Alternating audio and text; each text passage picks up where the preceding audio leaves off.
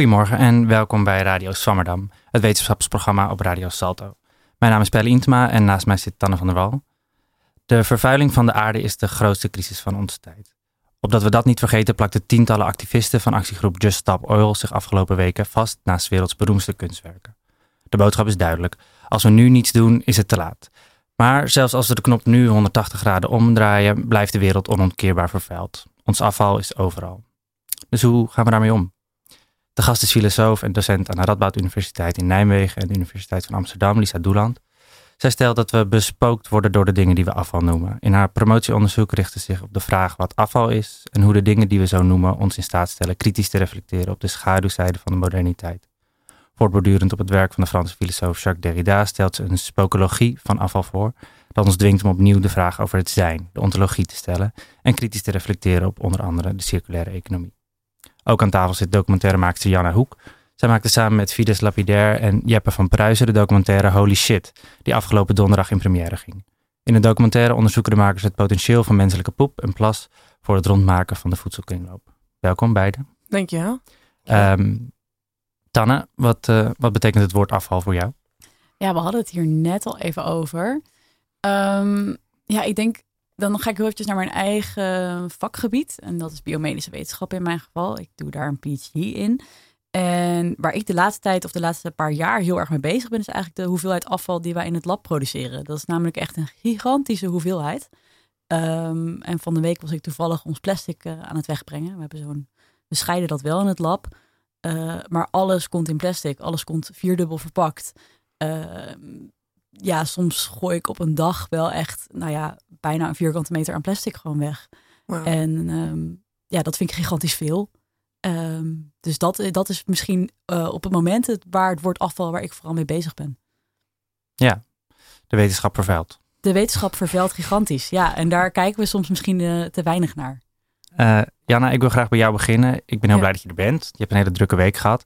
Uh, je stond op Dutch Design Week. En daar is de documentaire in première gegaan. Klopt, ja. uh, maar daar stonden jullie ook met de Shit Show. Uh, wat, is, wat is er allemaal gebeurd? Ja, dat was één grote shit show. Um, wat daar gebeurde eigenlijk, we, we hebben daar gevisualiseerd van hoe ziet zo'n voedselkringloop er nou uit als we onze poep en vooral, ja, vooral poep, maar ook al plas daar weer inzetten hè, in, die, in die voedselkringloop. En dat voelt voor velen een beetje gek, want ja, poep hou je het meeste, het liefst ver van jezelf weg. Je gaat in een gesloten hoekje ergens zitten en spoelt het door. Dat noemen we de flush and forget uh, in de volksmond. Uh, en daarna zien we het nooit meer terug. Maar daar bij de shitshow uh, werd poep uh, met open armen ontvangen. Vereerd zelfs. je kon naar de wc per circulaire toilet. waarna het opgevangen werd. Dat was ook een plek waar we het live composteerden. Met de hulp van wat champignons, wat fungi. En wat daar het overblijft is echt een prachtig, prachtig materiaal. Het is super gezond, heel veel nutriëntvolle micro-organismen zit erin. Uh, en dat is geweldig voor de bodem. Uh, en dat vergeten wij. Wij zetten onszelf heel erg buiten de voedselkringloop. Om meerdere redenen. we zijn niet in contact met ons voedsel waar het vandaan komt. Maar wij zeggen eigenlijk ook niet alleen moeten we weten waar ons voedsel vandaan komt. We moeten ook weer in contact staan met ons voedsel. Door het voedsel weer terug te brengen waar de plek, naar de plek waar het ooit ontstaan is. Dus dat deden we allemaal op de shitshow. en uh, dat was een goede binnenkomer. Er zijn mensen zelfs speciaal teruggekomen om te, te kakken op ons toilet. Die eerst niet hoefden. De aandringers er niet altijd meteen. Dus dat uh, kon nog de dag later kunnen we nog een paar mensen ontvangen. Uh, dus dat is, dat is heel mooi. Het maakt, maakt het super tastbaar. En ook, uh, ja, er werd veel om gelachen. Maar het is eigenlijk een heel serieus onderwerp. Wellen. Ja, ja, ja. um, want poepenplas is iets dat van ons weg moet. En je zegt dat ja. uh, we spoelen het door en we vergeten het. Uh, je had het net al even over hoe waardevol het is. Mm. Waar, waar, waar zit die waarde precies in? Nou ja, ik probeer het altijd uit te leggen in, in aan de hand van voedselverspilling. Dat noemen wij, vooral voedselverspilling zien wij als het weggooien hè, van eten die we niet gebruiken. Uh, en dat wordt volgens mij heel veel in huishoudens gedaan. Dat is een van de, de top uh, van het verspillen van voedsel. Um, maar eigenlijk wat je eet, uh, je poept heel veel uit van die nutriënten die je eet. Dus eigenlijk is het ook gewoon voedsel. We kunnen het eigenlijk gewoon voedsel noemen. Uh, en ook als je kijkt naar waar, de diversiteit van wat we eten. Ik bedoel, dat is verschilt per persoon. Eh, sommige mensen eten wat meer vezeltjes dan andere of groenten. Eh, biologisch maakt ook weer uit versus uh, ja, reguliere soort van voedsel.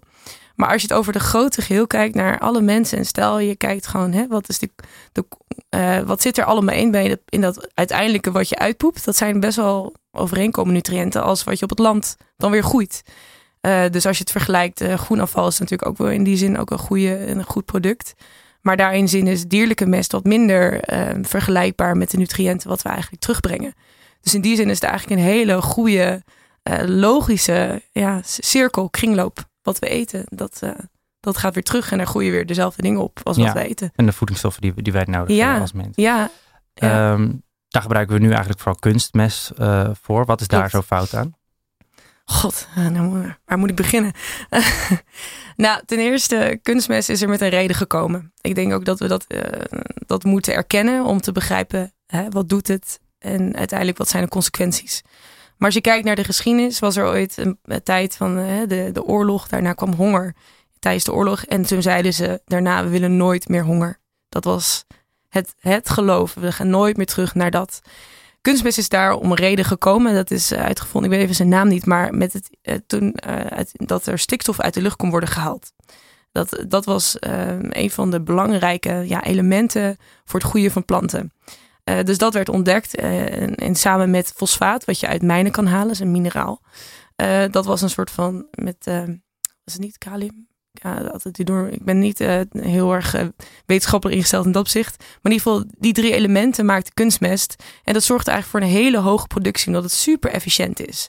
Het geeft eigenlijk hele directe bijna suikers aan de plant, maar het voedt niet de bodem.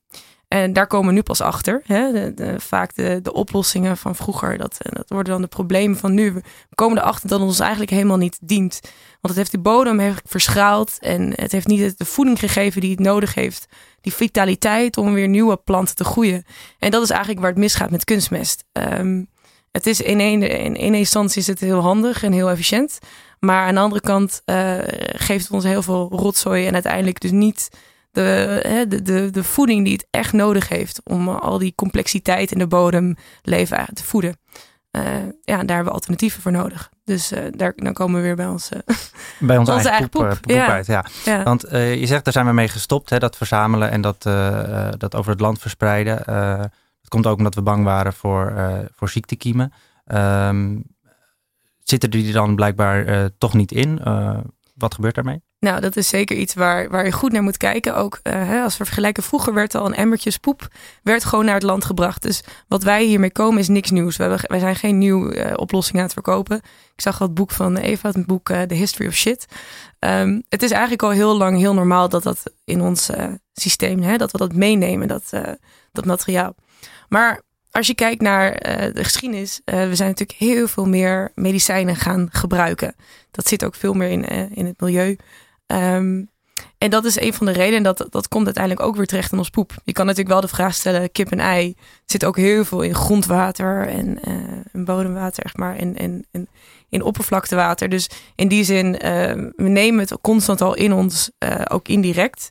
Maar het is zeker dat er bepaalde middelen gewoon terugkomen in ons poep. Dus het is heel belangrijk om dat er veilig uit te halen. Uh, en daar zijn verschillende methodes voor. En een daarvan is dus het, het composteren. Maar er zijn bepaalde medicijnen die er nog wel in kunnen achterblijven. Dus daar moeten we goed naar kijken. Maar wat we eigenlijk zeggen is, we, Um, we moeten, die risico's moeten natuurlijk worden meegenomen. Maar er wordt nu totaal geen experimenteerwaarde of ruimte gegeven om te kijken naar van hoe kan dat wel? Waar zitten wel die mogelijkheden? Want hoe je het ook went of keert, het is een van de grootste reststroom, een van de grootste lekken uh, in de voedselkringloop. Uh, dus daar dan om die reden niet naar kijken en niet die ruimte geven om te experimenteren ermee, dat is, dat is onze boodschap van de grote boodschap. Ja, uh, dat moet anders. Dat komt ook heel duidelijk naar voren in het documentaire. Er gaat ja. duidelijk iets mis in ons systeem. Ook uh, ja, qua wet en regel, regelgeving veel. Um, ja, wat, wat, wat gebeurt daar precies? Nou, uh, wet en regelgeving er zitten heel veel lagen aan. Maar een van de simpele en ook, ook het laaghangend fruit daarin is de afvalstatus. Um, er zijn dat is sowieso met hè, circulariteit op, in zichzelf. Heel veel producten worden gezien, afgedankt, gezien als afval. En daar is natuurlijk poep een van de grote voorbeelden van. Uh, maar die afvalstatus die kan er af. En dat betekent dus als dat er af is, dan kunnen we opeens hele andere dingen met onze eigen poep gaan doen. Uh, en het stelt ook de vraag van, stel dat jij als, als mens, die poep is ook van jou, hè? je poept het uit en dat gaat ergens heen. Maar weet je wel, er, dus, er zou, veel, zou veel meer dichter bij huis moeten houden eigenlijk. Het is ook echt iets wat jij produceert, wat je hè, van waarde is. Um, en, en, dat is een stukje omdenken. Maar een stukje daarin hoort natuurlijk echt ja, het wettelijke, het, het, formele moet daar ook in mee veranderen om zover te komen. Ja, ja um, in de documentaire komt ook uh, een boer aan het woord. En die, die, boer zegt, nou, het betekent ook heel veel voor die, voor die bodem. Die krijgt allemaal nieuwe functies. En wij als boeren krijgen eigenlijk ook een nieuwe functie erbij. En zegt, het zorgt eigenlijk ook voor ja, een verbetering van de sociaal-economische positie van, van de boer. Ja. Uh, waar zit het, dat dan precies in?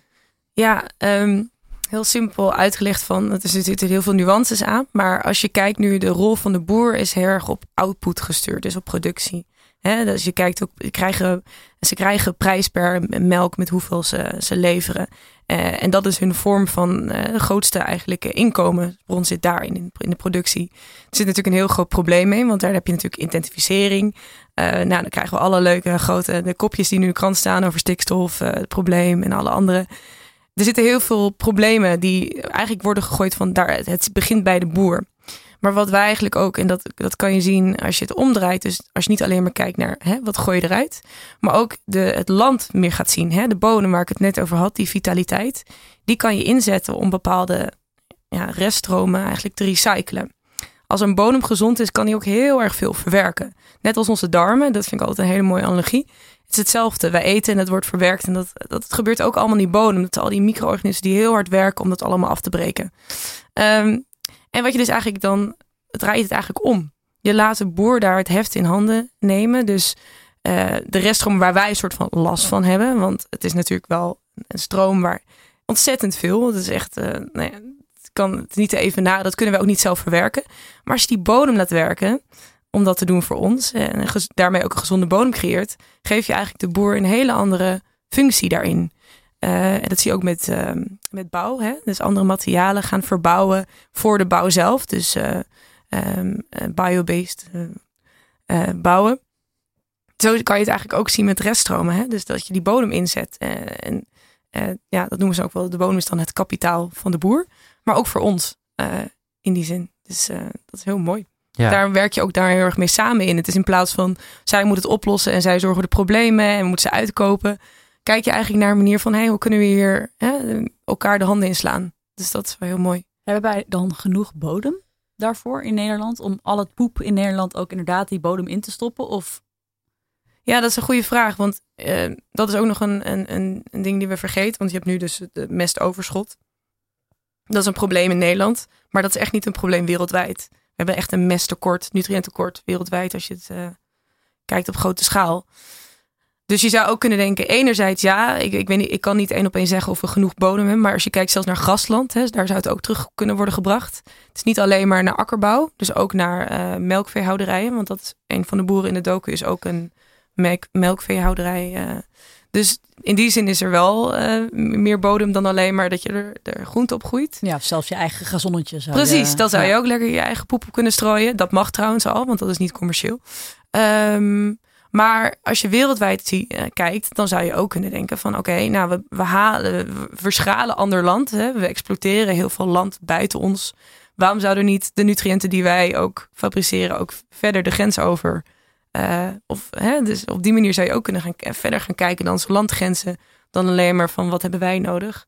Maar ook wat halen wij weg ergens anders. En hoe zorg je ervoor dat je dat weer aanvult eigenlijk als het ware. En een voorbeeld daarin aan is heel leuk. We hebben iemand geïnterviewd van de Chocolate Makers. Je, kent het chocolademerk? Ja, ken ik. Ja, lekkere ja, chocola. Ja, heel, heel lekkere chocolade. En uh, die hebben een fabriek dicht bij Amsterdam. Maar een aantal jaar geleden, ze werken dus met de cacaoboeren. Toen dachten ze eigenlijk van ja, het is eigenlijk echt van de gekken. We halen de constant cacao vandaan. Natuurlijk geven ze wel in principe, dat proberen ze ook hè, fair. Dus een goede betaling te geven voor voor wat ze leveren. Maar uh, het is wel voor de hoeveelheid cacao die wij dan het Westen voorberen, zeg maar, geven we gewoon niks terug. Weet je wel, eigenlijk. Dus zij zijn toen gaan onderzoeken, wat als we sulfiet, hè, voedingsbron, wat als we dat nou terugleveren aan het land? Dus zij zelden uh, met die boot, willen ze terugzeilen met een boot vol met, met, met voedingsstoffen, met voedingswaarde. Maar dat is uiteindelijk afgekapt omdat ze gewoon geen geld kregen. Want er wordt heel veel aandacht gegeven aan meer wetenschap, oh, hè, ook risico uh, hè, vermindering en, en het willen begrijpen, meters weten. Ik, ik zie ook niet dat dat, het is belangrijk. Maar juist die projectmatige dingen wordt heel vaak snel de stekker eruit getrokken of er is niet, wordt weinig ruimte aangegeven. Uh, dus dat is wel echt zo'n voorbeeld van ja, hoe je dat, dat het net helemaal niet lekker loopt, zou ik maar zeggen. uh, om, dat, uh, om dat te kunnen testen van hè, we moeten dat eigenlijk verder gaan kijken dan alleen maar Nederland. Ja, en daar is echt wel dat omdenken voor nodig. Uh, ja, zeker. Wat je net ook al zei. Ja. Uh, Lisa, jij hebt de documentaire ook gezien. Uh, ik wil het vandaag graag met jou verder hebben over hoe we om moeten gaan met de dingen die we afval noemen. Um, wat zegt dit verhaal jou over hoe we ons tot afval verhouden? Ik moet zeggen dat vooral door het gesprek dat we er ook nu over hebben, denk ik dat afval ons er ook op wijst op een bepaalde manier van een bepaalde vorm van, ja, hoe moet je het beste noemen, toch een soort soort kolonialisme zit mm. daarin. Dus we halen, we halen dingen van elders. Uh, dat gebeurt al heel lang. Um, we verkopen dat ook op allerlei manieren aan onszelf. Hè, waarom we dat doen en waarom dat oké okay is. Um, ja, ik moet ook denken aan uh, het idee dat we elders iets brengen. Dat we elders ontwikkeling brengen, dingen in cultuur brengen. Of dat we elders land hebben ons toegeëigend. Uh, omdat wij er wel iets goeds mee kunnen. Omdat wij dan die mensen kunnen helpen om het in cultuur te brengen. Om er chocola op te verbouwen, et cetera. En dan kan het vervolgens weer onze kant op stromen. Dus ik, ik moet eerlijk zeggen dat...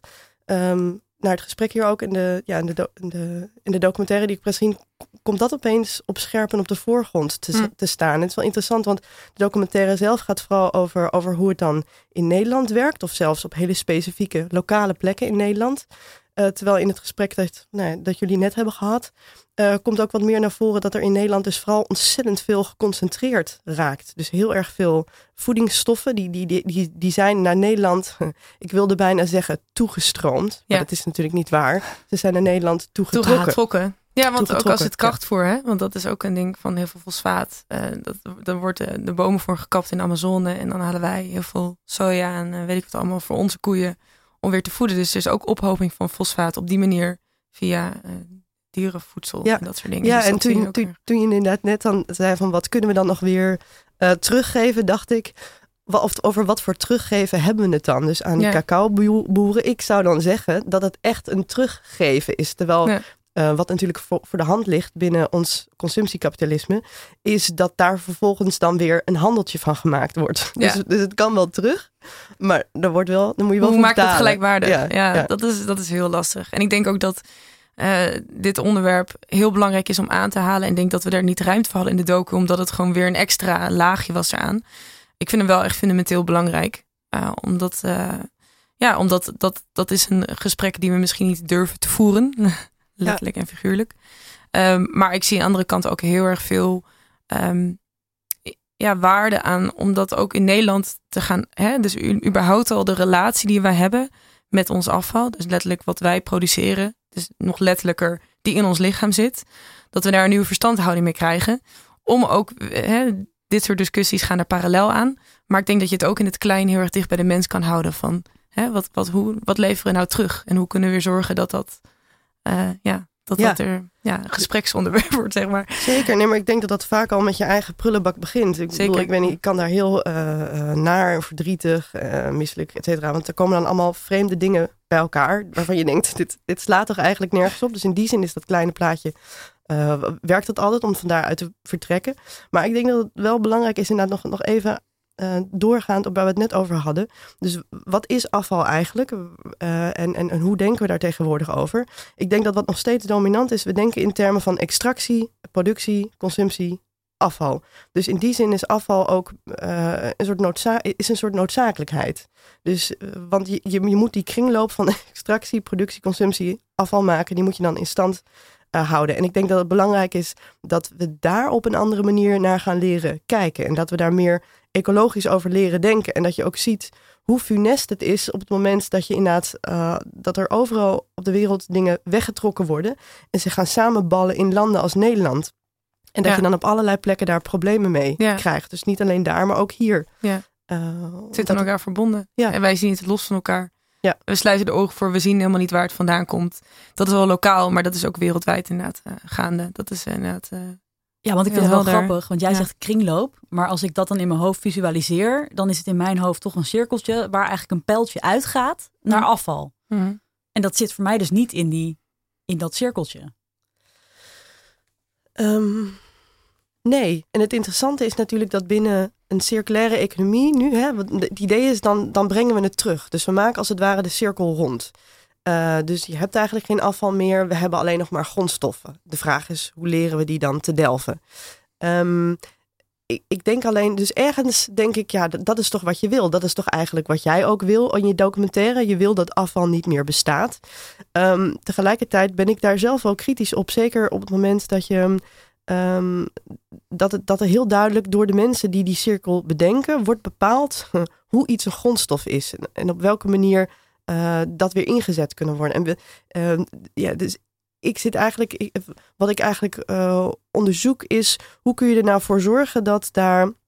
Um, dat we van een soort circulaire naar een digestieve logica gaan, waarin we wat minder controle proberen te hebben over uh, wat, we wel, wat nou precies wel afval is en wat nou precies niet afval is. En dat, dat, dat wij dat bepalen binnen die kringloop. Maar dat je je veel meer afspraak, afvraagt, ook individueel. En nou, inderdaad, hoe, hoe, hoe voedt dit dan? Um, uh, en niet hoe kan het weer onderdeel worden van een bepaald industrieel proces. Maar gewoon mm. om het iets kleiner te, te maken. Ja, nou dat is wel heel mooi. Want dat is precies passend in het verhaal van dat we juist heel erg zien dat uh, bij de grote processen dat er heel veel nadruk ligt op, um, ja, eh, hoe dient het ons? Maar nu eigenlijk moet het omdraaien en kijken hoe dient het iets anders, zoals de bodem. Ja. En, en hoe zorgen dat we dat weer herstellen. Uh, en daar indirect natuurlijk onszelf mee voeden. Dus je, maakt, je bent wel weer onderdeel van die cyclus, maar je draait het wel om. Ja, precies. Dus dat vond ik zo, zo mooi dat in die documentaire, en dat kwam net ook naar voren in het gesprek. Dus waar het eigenlijk om zou moeten gaan, is het voeden van de bodem. En niet het groeien van de planten. Ja. nou ja, dan denk ik, ja, als je, als je ergens ook een soort kritiek op uh, de, de, de heersende uh, denken over economie ook in zit, waarin nog altijd we linksom of rechtsom proberen de groei erin te houden. En we noemen dat dan tegenwoordig groene groei of groen kapitalisme of whatever. Mhm. En eigenlijk weten we natuurlijk allemaal dat dat onzin is. En ik, ik vond dat heel mooi in die documentaire dat je ziet hoe dat onzin is. Omdat, het, omdat je nog steeds uh, je richt op hoe kunnen we dingen laten groeien zo snel mogelijk. Ja. In plaats van hoe kunnen we dingen leren voeden. Hoe kunnen we de bodem voeden? En dat is een, dat is een uh, collectief en een sociaal gebeuren. En dat kunnen wij ook helemaal niet alleen. En daar hebben wij die fungi bij nodig. En de schimmels. Ja, we hebben heel veel hulp, uh, hulpjes heel veel voor nodig. nodig. Nou, hulp. Het is een symbiose. Het is een samenwerking. Ja. En, dat, en dat zie je ook met het composteren. Zo, die, die, die fungi die erin zitten. Dat, ja, dat, dat kunnen wij niet. Snap? Ik bedoel, nee. wij doen het wel intern, hè, deels in onze darmen. Maar het is niet we hebben dat erbij nodig. We hebben die andere wezens en ook die bewustzijn van hè, de één handje aarde is uh, meer als meer mensen op, op, op de wereld leven. Eén handje. Ja. Dus qua micro-organismen. Dus dat soort beseffen, weet je wel. We zijn hier niet alleen. Nee. Uh, nou ja, en dus... misschien dat het heel belangrijk is om daarbij steeds in het achterhoofd te houden. Gaan we niet stiekem proberen uh, ook uh, de fungi en de schimmels aan het werk te ja, zetten. Dus iedereen wordt geproletariseerd. Dus na, na, na de mensen gaan we nu ook de schimmels en de fungi aan het werk zetten. Want dat gevaar is er natuurlijk wel. Ja. Zeker, ja. Ja, ik vind het heel leuk hoe we nu al uh, heel erg in de systeemkritiek uh, uh, zijn, zijn beland.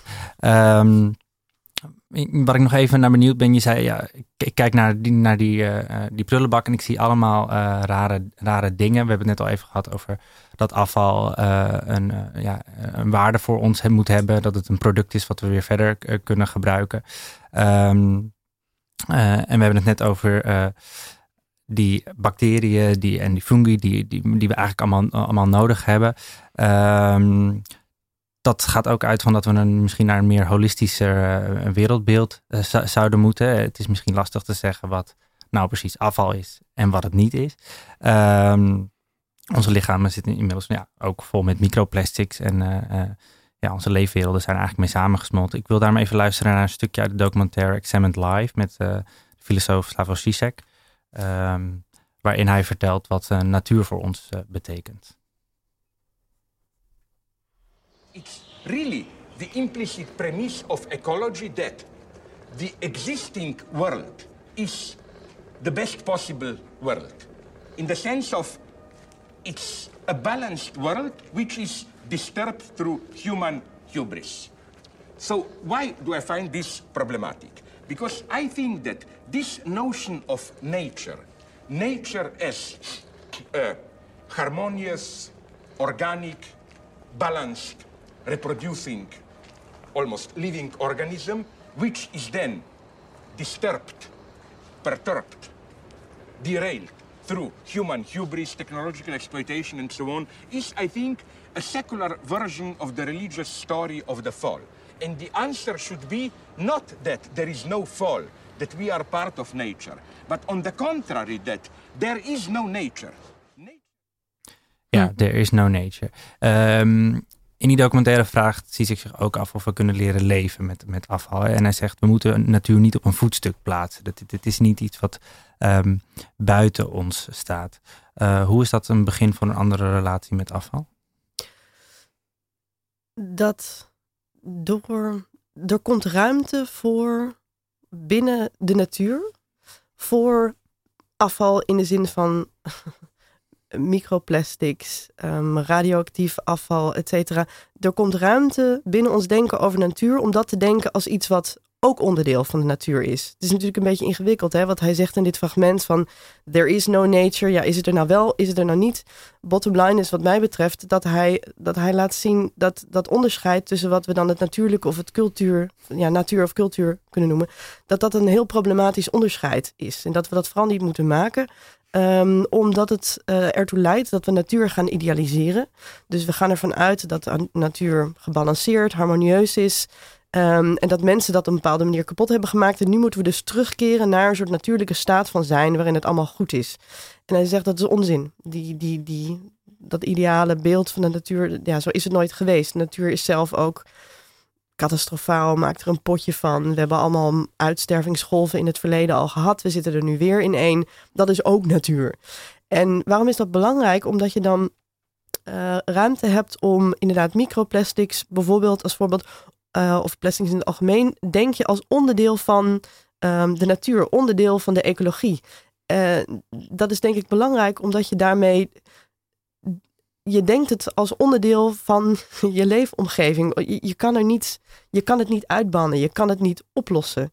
Uh, al die microplastics die kunnen wij niet meer uit onze lichamen halen. Die zijn daar onderdeel van geworden.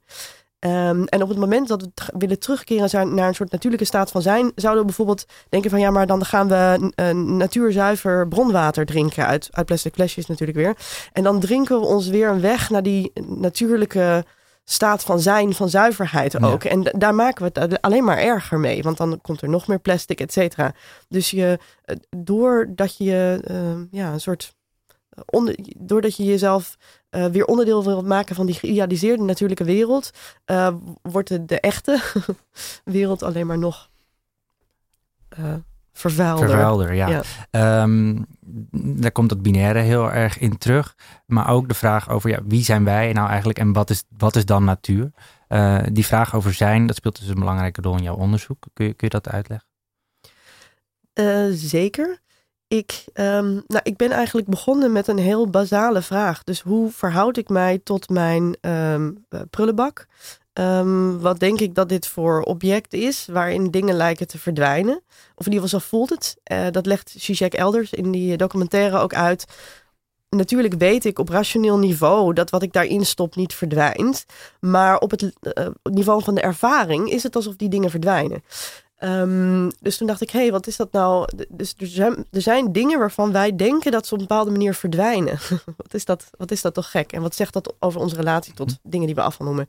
En van daaruit kwam ik tot de, de stelling dat, dat we uh, dat we niet, dat we er, ja, dat we denken over afval als iets wat ons bespookt. Zo moeten we erover denken.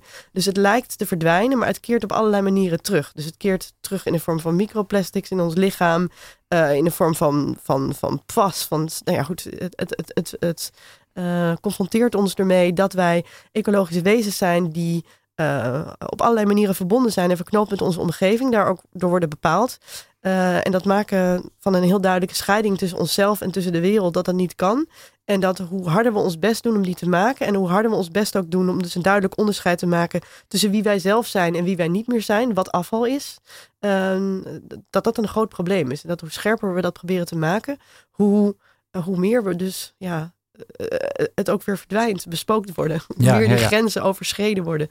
En het nog moeilijker wordt voor onszelf om ons te, te handhaven. Ja. we worden ziek. Want uh, dat, uh, uh, dat, dat binaire, dat komt ook misschien wel vanuit het denken van Heidegger, die het heeft over daar zijn, zoals het er zijn wat alleen wij mensen zijn. nou behandel jij in je werk ook veel het werk van Timothy Morton, waar ik afgelopen week veel naar heb zitten luisteren. Um, en die zegt eigenlijk alle dingen zijn er zijn ik moet zeggen dat ik, dat ik Heidegger um, heb ik vooralsnog, en ik ben bijna klaar, dus ik denk dat het gelukt is, buiten mijn proefschrift gehouden. dus ik doe helemaal niks met mhm. Heidegger. Met zijn begrip. Ja, wat, wat kan ik hier voorzinnigs over zeggen? Nee, dus daar heb ik, met Heidegger kan ik niks over zeggen.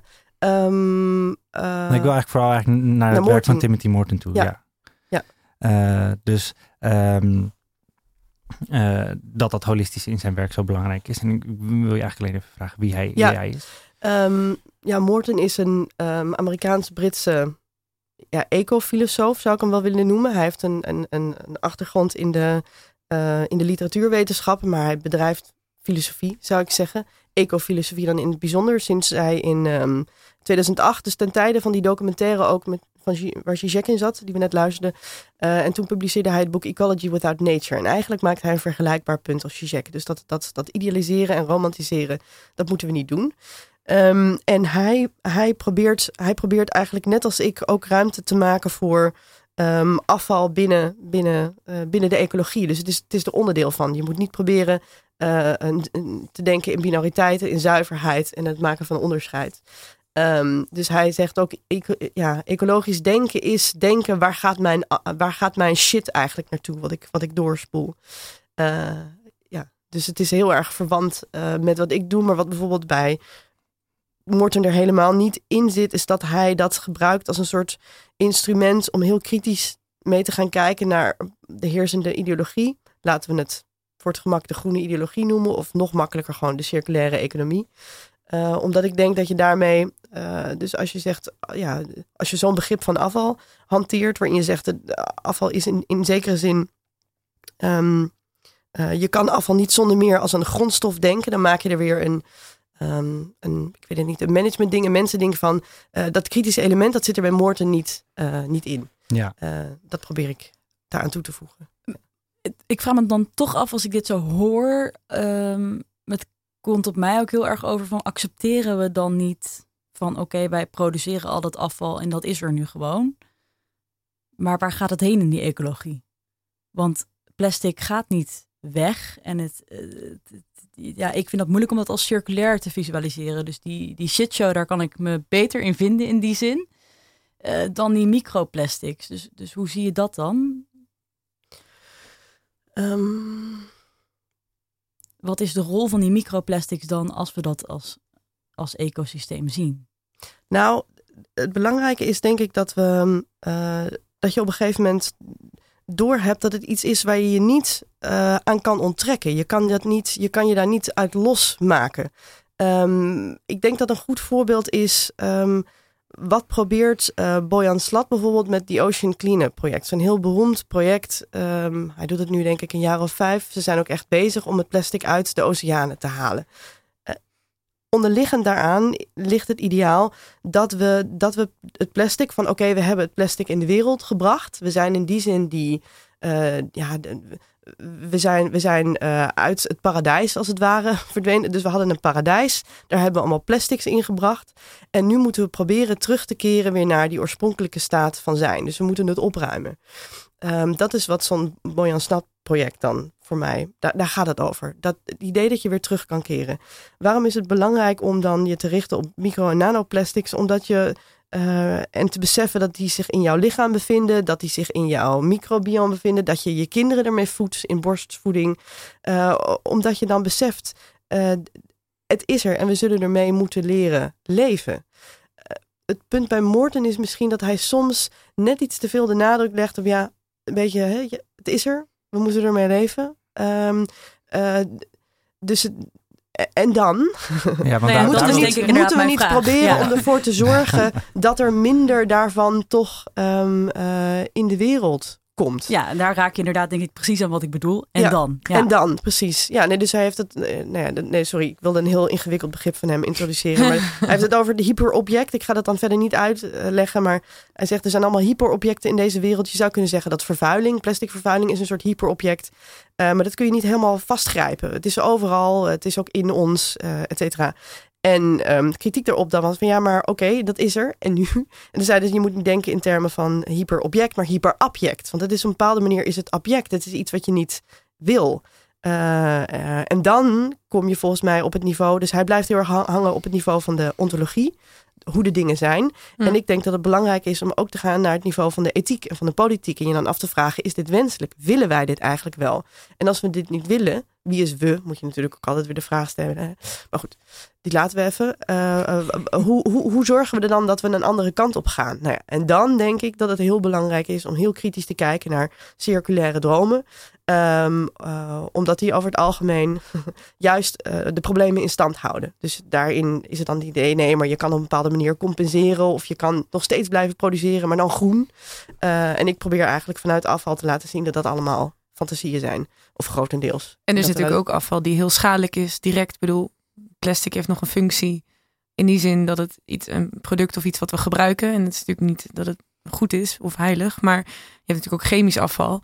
Uh, en daarvan is dan weer een hele directe impact op onze gezondheid. Um, en daar zit weer een hele andere soort van ja, bedoel, daar moeten we ook mee samenleven. Want dat, we gaan waarschijnlijk niet alles eruit krijgen wat, wat er in het milieu zit. Nee, maar precies. Laten maar daar, moet je wel een soort van kijken van, dit moeten we niet eens willen. Nee. Hè? Dus er zitten ook verschillen misschien in afval van uh, de dingen die gewoon ontstaan zijn. En, en, en steeds meer restjes nog steeds in ons leven, in ons milieu. En versus de dingen die we gewoon überhaupt niet moeten willen hebben, zeg maar. Toch? Er zit wel ook daar natuurlijk ook wel weer nuances in. Zeker. Nee, en ik zag dus net gisteren die, die documentaire binnen de reeks Frontlinie. En dit ging over PFAS dan. Uh, uh, dus een documentaire waarin ze onderzochten hoe uh, eh, 3M, zo'n chemieconcern, inderdaad zowel in de buurt van Antwerpen, geloof ik, en dat kan natuurlijk via de Schelde ook weer in Nederland terecht, en in mm, ergens in de VS, nou, hoe ze al jarenlang lozen. En ik denk dat dat inderdaad belangrijk is om heel kritisch te kijken. Ja, ja hoezo moeten we daarmee moeten leren leven? Daar moeten we helemaal niet mee willen leren leven. En we moeten ook van niet denken dat ja, de, oceaan die neemt het allemaal wel op. Of de rivier neemt het allemaal wel op. Want je kan heel duidelijk zien, dat blijkt dan ook uit al die onderzoeken. Zo werkt het niet. Nee. Uh, het leven in die rivieren verdwijnt. de mensen worden er hartstikke ziek van. Um, en daar moet een halt aan toegeroepen worden. Ja, ja, dat gaat ook heel erg over verantwoordelijkheid nemen, denk ik wat we in die documentaire van Zizek zien, is, hij zegt ook van uh, uh, afval moeten we zien als een geliefde of zo. We moeten er een soort van een liefdesrelatie mee aangaan die echt is. Um, maar hier zeg je toch, nee, daar moeten we eigenlijk ook niet mee aan de haal. Um, zoals je net al zegt, we, sommige afvallen moeten we echt niet hebben. Daar moeten we echt iets mee doen. En, en, je zei net eigenlijk al voordat we dit gesprek begonnen. Uh, je zit nu op een punt waar we meer naar de digestieve denken over afval gaan. Kun je uitleggen wat je daarmee bedoelt? Jazeker. Um, mijn voorstel zou zijn inderdaad, waarom denken we eigenlijk in circulariteit? Waarom niet in termen van digestiviteit? Dus van een circulaire logica, logica naar een digestieve logica. Ik zou zeggen, uh, Janna, dat jouw documentaire daar, dat is heel duidelijk een voorbeeld van een digestieve logica. Dat gaat niet over circulariteit, dat gaat over, over vertering. Het gaat over metabolisch, ja, metabolisch systeem en dat gaat over vertering. Um, waarom is dat belangrijk? Omdat daar waar het gaat over het circulaire, zie je dat er heel duidelijk uh, de nadruk. Het is, het, is, het is vanuit het een bepaalde manier vanuit het industriële gedacht, maar ook vanuit de mens die de controle heeft over, uh, over wat daarbinnen precies gebeurt. Um, dus het is de gedacht, circulaire is gedacht vanuit controle, ook vanuit management. Uh, het is heel industrieel. Uh, het is heel oplossingsgericht. Dus je, je, ja, ja, je gaat dan proberen precies in kaart te brengen hoe, hoe zou die cirkel eruit moeten zien en dan ga je hem sluiten. Terwijl als je denkt vanuit een digestieve logica, dat is veel eh, collectiever. En er is ook ruimte voor dat je dingen niet helemaal begrijpt of niet helemaal kan controleren. En er is ruimte voor samenwerking. We moeten samenwerken met schimmels en fungi en dergelijke. Uh, omdat we, we zijn eh, afhankelijk van elkaar. Uh, dus die digestieve, lo digestieve logica die, die um, maakt ook ruimte voor dat we over onszelf denken als kwetsbaar en als afhankelijk. En dat we het samen moeten zien te rooien. En dat zie je niet terug binnen een circulaire logica. Dat is heel duidelijk gedacht vanuit controle. We zijn helemaal niet afhankelijk en we maken ons onafhankelijk. We leggen als het ware onze wil op aan onze omgeving. Uh, ik zou zeggen dat dat onderdeel is, of dat misschien dat wel de drijvende kracht is, um, achter de, de massa-extinctie, waar we inmiddels al in zitten. Um, die, uh, ja. en dat we dus meer vanuit die kwetsbaarheid en die afhankelijkheid moeten leren denken. En ik denk dat zo'n digestieve logica ons daarbij uh, bij helpt. Ja, dus poep helpt ons ook om daar wat meer in het denken te komen misschien. Zeker, ja. Want dan moet je direct bezig zijn met het hele verteren van al deze informatie, maar ook het verteren hè, van, van wat we ooit uh, tot ons hebben genomen. Dat, dat, we zijn er niet weg van. Het, is, verdwijnt niet. Ja, nee. Het transformeert natuurlijk ook. Dat is heel mooi aan het. Dat zag ik in een artikel van je ook. Dat, dat het blijft nooit hetzelfde in die zin. Dus hè, nee, het transformeert dat is natuurlijk. Daarin. Je kan, een, je kan de cirkel nooit rondkrijgen, want er vinden voortdurend veranderingen plaats. Er, er gebeuren dingen die je niet helemaal had voorzien. Dus ik moet nu ook denken aan um, uh, een, een, kort gesprek. Uh, of, ja, uh, dat hadden wij net vooraf, Tanner, over. Um, nee, sorry, volgens mij komen we zo nog bij de vogels terecht. dus die, la die laat ik even, sorry, die laat ik even liggen, anders verpest ik de opzet van dit gesprek. Um, ja, laat ik mijn mond maar even houden. Nee, nou, we Ja. kunnen er eigenlijk wel naartoe Ja. gaan. Want Naar de eh, vogels. Ja, naar de Eh. Goeie timing. ja, waar we nu naar gaan luisteren is een fragment uit de, de documentaire Albatros. Ehm, een fotograaf op een, eh, op een eiland vol met eh, deze vogels.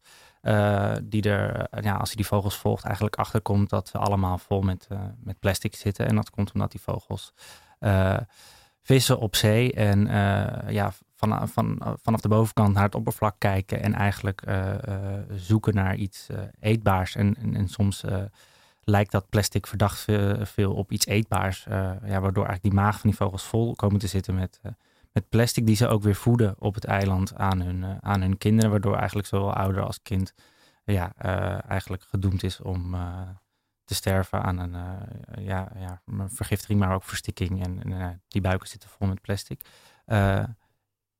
Ik wil even luisteren naar een fragment inderdaad uit, uit de documentaire Albatross. The biologists here are finding that the birds all have plastic inside them. Each time I opened one up was like a gallery of horrors.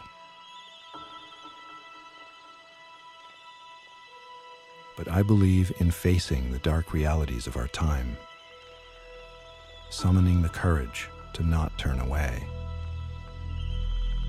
Not as an exercise in pain or punishment or to make us feel bad about ourselves. But because in this act of witnessing, a doorway opens.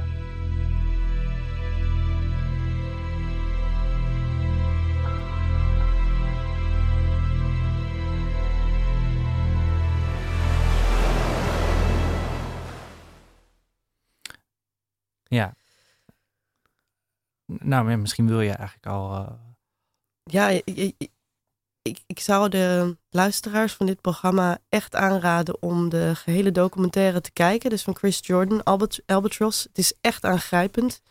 Eh, en in het fragment eh, waar we net naar hebben geluisterd, daarna zie je hoe die fotograaf, ehm, dus, dus zo'n albatros kuiken, eh, wat al overleden is, opent om te kijken wat er allemaal zich in het binnenste van dat beest bevindt. Eh, en dat is nogal wat, plastic. En je ziet ook hoe hij daar echt eh, geëmotioneerd door, door raakt. Hij, hij rouwt om die vogel. Ehm, eh, zowel voor mijn gevoel die individuele, dat individuele beest, als het, het geheel waar dat beest ons op wijst. En, en, en hoe verdrietig dat is. En wat ik het mooie vind aan dit fragment is dat hij aangeeft: natuurlijk is er ruimte voor verdriet en voor rouw. Ehm, maar zegt hij: ik, ik, ik, ik raad dit niet. ik doe dit niet omdat ik mezelf wil straffen of een schuldgevoel wil krijgen. Maar omdat ik, ik, zoek een bepaalde opening. Eh, en, en die opening is dat ik, dat ik stilsta bij hoe verschrikkelijk dit is en pijnlijk en verdrietig. En dat ik probeer nou, van hieruit als een soort opening te gebruiken om ehm, voor verandering misschien wel. Om, eh, om dingen anders te gaan, te gaan doen. En dat het erkennen dat dit het geval is. En dat die vogels die verder niks te maken hebben met de productie van die plastic. eh, op deze manier eh, aan hun einde komen. Dat dat gewoon nou ja, ontzettend verdrietig is. Ja, Ehm, ja, ik heb, het, ik, ik heb het ook wel eens aan studenten laten zien. Ik, eh, het grijpt me iedere keer weer aan. ja, ja. ja. Ja, dit is, dit is ontzettend bijzonder om te zien hoe hij die vogels helemaal omarmt als hij ze openmaakt. En daar inderdaad echt ja, wiegend met die vogels in zijn hand daar op het strand zit. Ik, was Ja. ook heel erg aangedaan. Ja. Ehm, je zei net al even van eh, als ik in mijn eh, prullenbak kijk, dan krijg ik dit soort gevoelens. Misschien ja, krijg ik dit soort gevoelens ook. En ik vroeg Ja. in het voorgesprek ook van, nou ja, wat zijn nou de albatrossen van Amsterdam? Wat, wat, wat kunnen wij om ons heen nou zien? Dat ook, zo'n albatros is natuurlijk zo'n heel sterk, dat wekt dat, dat gevoel heel sterk op. Misschien ja, voor eh, de normale mensen een prullenbak misschien wel iets minder. Maar Ja. Eh, nou ja, ik, ik, vertelde dus eh, aan Tanne, en dat vind ik wel interessant, want jij bent bioloog, dus jij weet hier meer over, dat ik heel verdrietig kon worden van de, met name de koudjes zijn dat denk ik, maar misschien ook de kraaien in en om het Frankendaalpark. Misschien is dat op meerdere plekken het geval, die, waarvan het verendek steeds witter wordt. En sommige zien er ook best wel, nou ja, ge- geracht uit, die beestjes, met haar alle kanten op, dat je gewoon ziet, met jullie gaat het niet goed. Eh, en, en ik heb me dus een keer door een bioloog laten vertellen dat dat te maken heeft met een bepaald mineraaltekort. Of, of een tekort aan iets. Waardoor dat verendek dan, dan verandert. En ik, ik gaf aan dat ik, daar heel, nou, dat ik daar heel verdrietig van kan worden. Dat je gewoon ziet. Ah, dus als de omgeving verarmt, eh, waarbinnen deze dieren le- leven, dan je, je, kan het ook aan ze zien. En nou, je kan ook zien dat ze er eh, dat ze dus niet goed gevoed worden. En dat ze hieronder lijden. Maar jij gaf aan dat, dat het misschien ook iets anders kan zijn. Dus dat vond ik wel mooi. Eh, Nou ja, met dit specifieke voorbeeld misschien niet. Maar ik zei ja, er zijn natuurlijk ook dieren waar we heel duidelijk zien. En ik heb net even zijn naam opgezocht. Menno Schildhuis is dat. Eh, die kijkt naar de evolutie in de stad van dieren. En hoe dieren zich eigenlijk dus eh, een soort de heel snelle evolutie doormaken. ehm, in zo'n stedelijk systeem. En ik denk dat dit daar misschien niet zo'n goed voorbeeld van is. Je ziet hier misschien duidelijk, deze dieren zijn ongezond. Maar er zijn ook dieren die zich heel duidelijk aanpassen aan de omgeving die wij eigenlijk voor ze veranderd hebben. En waar dat wel oké gaat. Daar hangt natuurlijk heel erg veel vragen aan af. Eh, is dat goed dat wij zo'n omgeving veranderen en dat, dat die dieren zo erg verandert in die zin? Maar ehm, ja, dat, dat is in die zin iets eh, om over na te denken. Ja, nee, dat vond ik zeker mooi. Dus eh, oké, dat is dan misschien ook een voorbeeld van aanpassing of van weerbaarheid. Tegelijkertijd, en daar, dat, dat benoem je ook al, dat kan ook gevaarlijk zijn. Dus je, de, dus, je, dus je ziet ook nu heel veel denken opkomen in, het, in de, rondom, ja, resilience is het dan in het Engels. Ja, hoe noemen we dat in het Nederlands? Ja, weerbaarheid. Weerbaarheid. Eh, en ik denk dat dat ook gevaarlijke kanten heeft. Want dan zeg je, oké, blijkbaar ehm, eh, kunnen we niet anders dan op de, dezelfde voet doorgaan. Laten we het nog even, dan, laten we het dan nu gewoon even, inderdaad, we noemen dat extractie, productie, consumptie, afval maken. Dat is gewoon het geval. Zo doen we dat nou eenmaal. Eh, nou ja, dat heeft voor heel veel dieren en planten en mensen heeft dat verschrikkelijke gevolgen. Maar die moeten gewoon weerbaar worden. Dus dat heeft iets heel, eh, vind ik iets heel eh, gevaarlijks hebben. Dus oké, dus je moet je wapenen tegen een systeem. Die overgooid wordt en vergiftigd. En Ja, hou je en- maar eh Ja, en, en, en, en, en hold your horses. in plaats van, en dan komen we weer bij de documentaire, maar kunnen we ook proberen te voeden. Ja. En dan, dan, dan hebben we die weerbaarheid als een soort wapen helemaal niet nodig. Ja, en ik vind het heel vaak komt het argument ook als het gaat over de vervuiling in het algemeen. Dat ehm, de, hè, de weerbaarheid ook bijvoorbeeld in, hè, in de kernrampen. dat daarna dan de natuur floreert en terugkomt. En zie je maar als de mens weggaat. Maar de, de mens heeft het veroorzaakt. Maar als de mens weggaat, dan ontstaat er weer echt nieuw leven.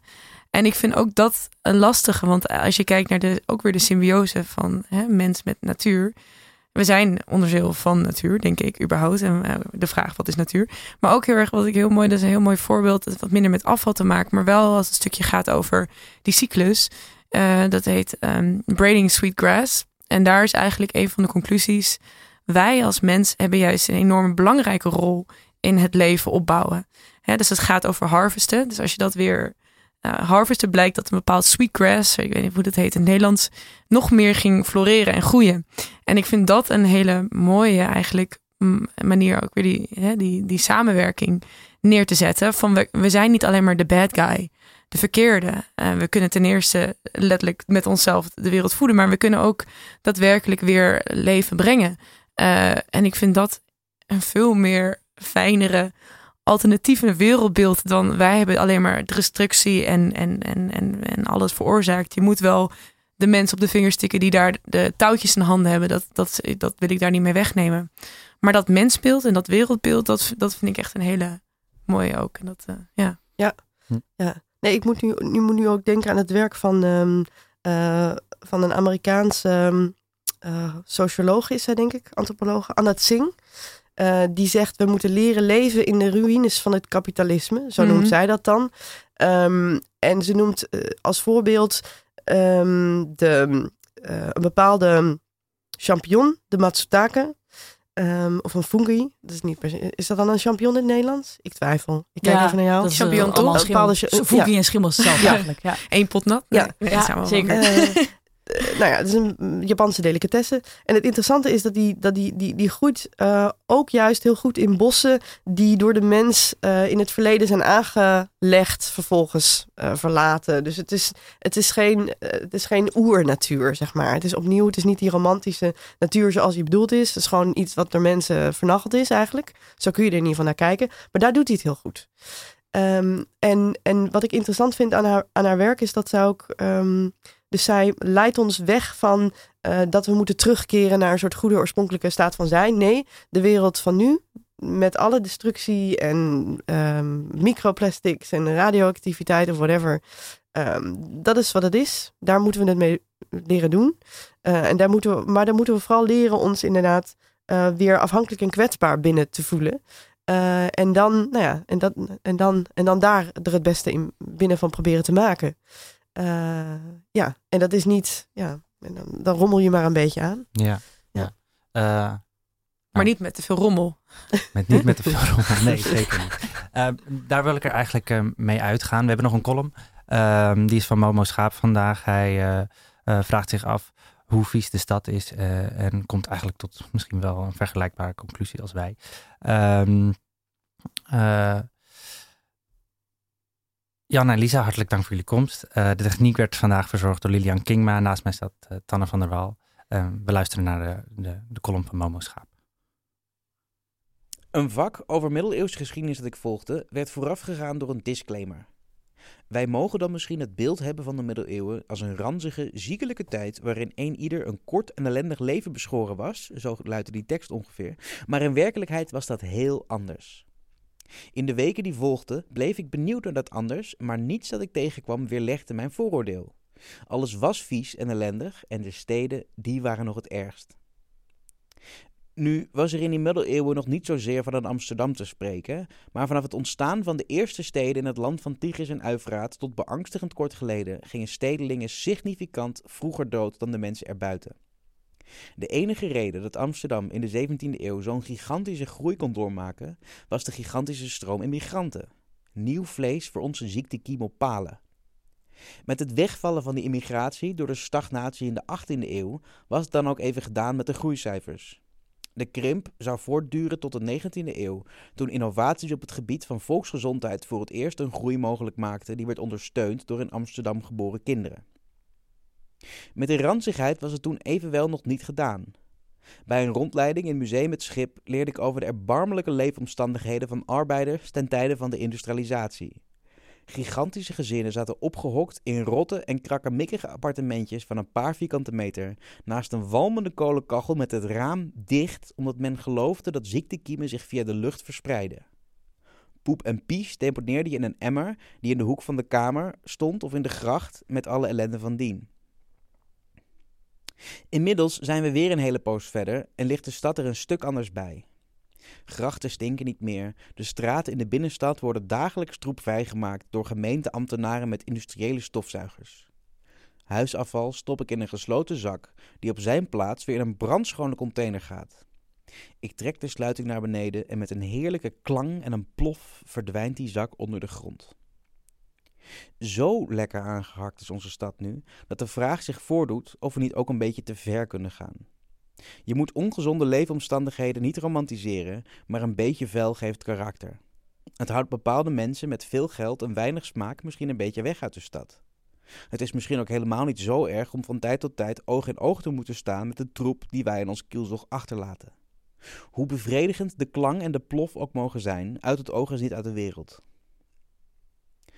Het deed dan ook ergens een beetje pijn toen een bepaalde AT5-video een paar dagen terug in mijn feed verscheen.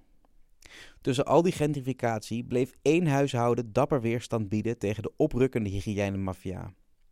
Een pand in de Warmoesstraat was tijdens de grote rioleringsslag in de jaren 70 over het hoofd gezien en bleef al die tijd braaf pruttelend uitwerpselen lozen in onze grachten. Sinds vorige week is nu ook dat feestje voorbij. Ik zal er nog vaak aan denken. Thank you.